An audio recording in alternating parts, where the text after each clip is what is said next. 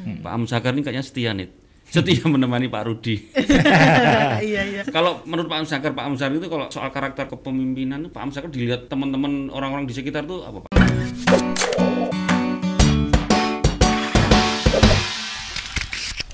Sebenarnya kesulitan bagi saya ketika harus me, me- apa namanya ya eh, memberikan penilaian terhadap diri sendiri. saya khawatir itu bias Kalau- dan subjektif. Cuman kalau saya lihatnya disiplin, ya. berani dan setia. Kalau saya Pak, Ah, kalau Pak Amsakar nih. Tapi kalau berbicara soal kesetiaan, nah ini memang sudah terpupuk di dalam diri saya. Ya. Oleh sebab itu saya memiliki banyak bos, ya. Saya tidak merasakan itu cuma satu wali kota Batam, Pak Usman Rahman. Tapi setelah itu Pak Era Ajis, kemudian diganti oleh Pak Nyat Kadir, diganti oleh Pak Nazib Susila Dharma, lalu kemudian eh Pak Pak Ajis diganti oleh Pak Nazib, setelah itu diganti oleh Pak Nyat Kadir, Pak Nyat maju ke provinsi diganti oleh almarhum Pak Manan Sasmita, lalu kemudian dua periode Pak Ahmad Dahlan dan satu periode Pak Rudi. Sampai hari ini saya berkomunikasi baik, saya berhubungan baik. Dan selama kita menjadi staf, tidak ada satupun yang menurut saya yang membuat saya harus eh, menambah persoalan pimpinan. Iya. Nah, itu ada Jangan menambah di ya. Jejak jejak digital Pak Amsakar tuh hampir tidak ada Iya. persoalan dengan pimpinan sebelumnya. nih. Nah, Karena itu kesetiaan ini, bos. Saya kan disiplin ilmu saya ini memang di Visipol, tapi prodinya program studi saya kan sosiologi. Hmm. Sosiologi ini kan mazhab berpikirnya. Heeh. Investasi terbesar dalam hidup Anda itu bukan seban seberapa berartinya banyak orang bagi diri Anda, Oh, oke. tapi oke. seberapa berartinya Anda bagi banyak orang. seberapa berartinya bagi banyak itu orang. investasi bagi orang sosiologi itu. Oh. Nah, ya konsepnya bagai-bagai, tapi saya akhirnya memaknai itu aja. Ah, Nilai Anda itu bukan terletak pada seberapa dalamnya isi dompet Anda, tapi seberapa baiknya Anda berkomunikasi dengan banyak orang, menjaga hubungan baik dengan banyak orang. Nah, ini yang saya jaga ta. Dan cobalah, bukan saya mengapa-ngapa. Kami ini sudah empat tahun tujuh bulan dengan Pak Wali. Sebiji pun tidak pernah ada masalah. Iya. Karena saya tahu posisi wakil harus support kebijakan pimpinan.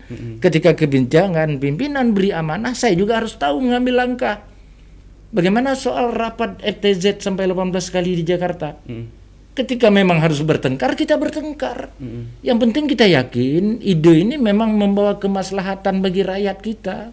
Ide ini memiliki nilai benar, nilai positif. Nah, jadi kira-kira Mas Danang lah Iya, iya, menerjemahkan. iya, iya. Sudah, saya sudah. janganlah menilai Iya, diri iya, saya iya, sendiri iya. subjektif itu nanti. Sengaja Pak, saya mancing aja. Tapi saya yakin teman-teman desain bisa tahu nih. Ah, Amsakar kalau di, di lingkup kantor, ya saya berteman semua Mas Dan. saya bagi saya anak-anak satpol itu teman. Mm-mm. Waktu saya diumum teman eh, yang membantu saya kelancaran tugas itu orang-orang yang pasang kursi, yang pasang tenda, itu adalah teman saya. Sekali waktu saya menyanyi-nyanyi sama mereka, ada, ada tempat sekarang masih sekarang ada tempat awang itu. Ayo kita kumpul.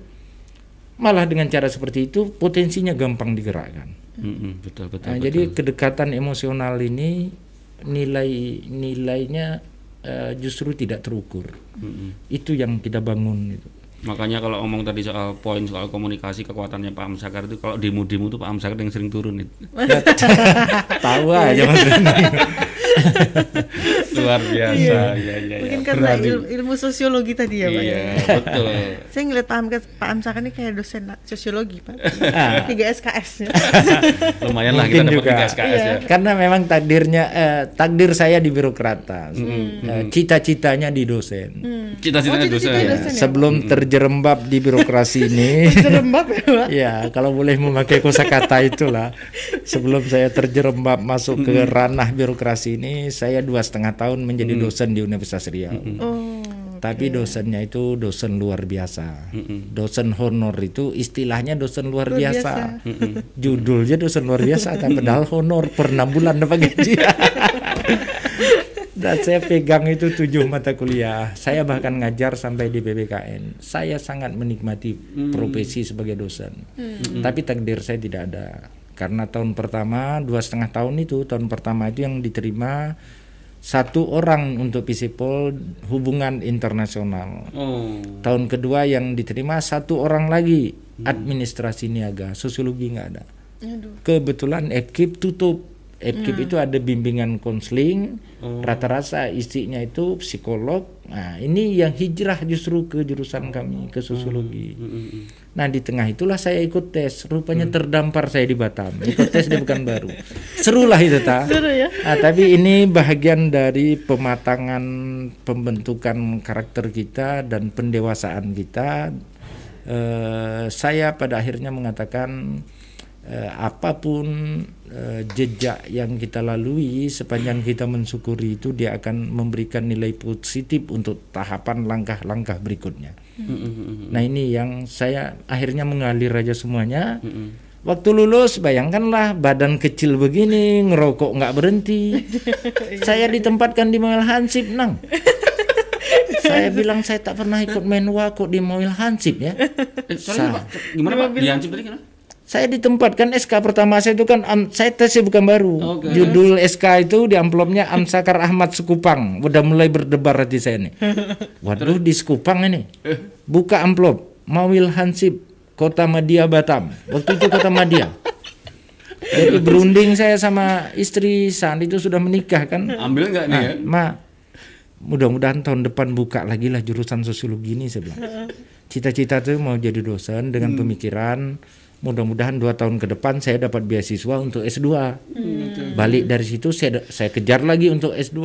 Waktu itu menggebu sekali keinginan untuk belajar. gitu. Iya, iya. Jadi dosen tadi Pak ya? Ah, itu sebenarnya yang motivasi. Tapi Pak mertua saya dan almarhum bapak saya mengingatkan eh, tidak mudah juga mau lulus. Eh, setelah saya pelajari rupanya Mawil Hansip Satpol PP S Satpol PP Sospol Mawil Hansip Sospol Inspektorat Bangdes ini pegawai pusat.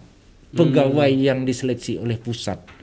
NIP-nya 01 Hmm. Nah, jadi Jadi kalau jangan sa- lihat ansipnya gitu ya. Nah, bukan dilihat ansipnya, bukan gampang lulus di tingkat nasional ini. Nah, kalau NIP-nya 42 itu pegawai daerah yang diseleksi di daerah. Mm-mm. Jadi saya merasa bergengsi. Oh, kalau gitu hebat apa nih? Ah, dalam hati itu. Ah, itulah ya, kita takdir kita macam-macam nah. Iya, iya. Itu yang jadi Pak Pak Amsakar kaya nih, ya. Iya, iya. Ya, secara konsep, teori ya tadi kan ilmunya dibelajar sebagai ingin jadi ini meskipun akhirnya terjerembab. Iya, iya. Pak mungkin kita mau ngegames dulu nih. oh, iya. Gimana ada, Game ada, yang- ada banyak dulu tanya nggak? Ada yang tanya nggak? Banyak. Oh, boleh, Ada, boleh, boleh. Pertanyaan dulu, sambil ya. sambil nunggu sambil nunggu itu eh apa? Pak Amsakar mungkin bisa kasih tip Pak ke teman-teman anak-anak muda di Batam ya Iya. di kondisi eh, Covid eh, pandemi saat ini kan seperti sesuai tema kita bagaimana agar teman-teman anak muda di Batam itu jangan pantang menyerah, jangan putus asa. Ya. Mungkin kasih tips lah Pak buat teman-teman ini.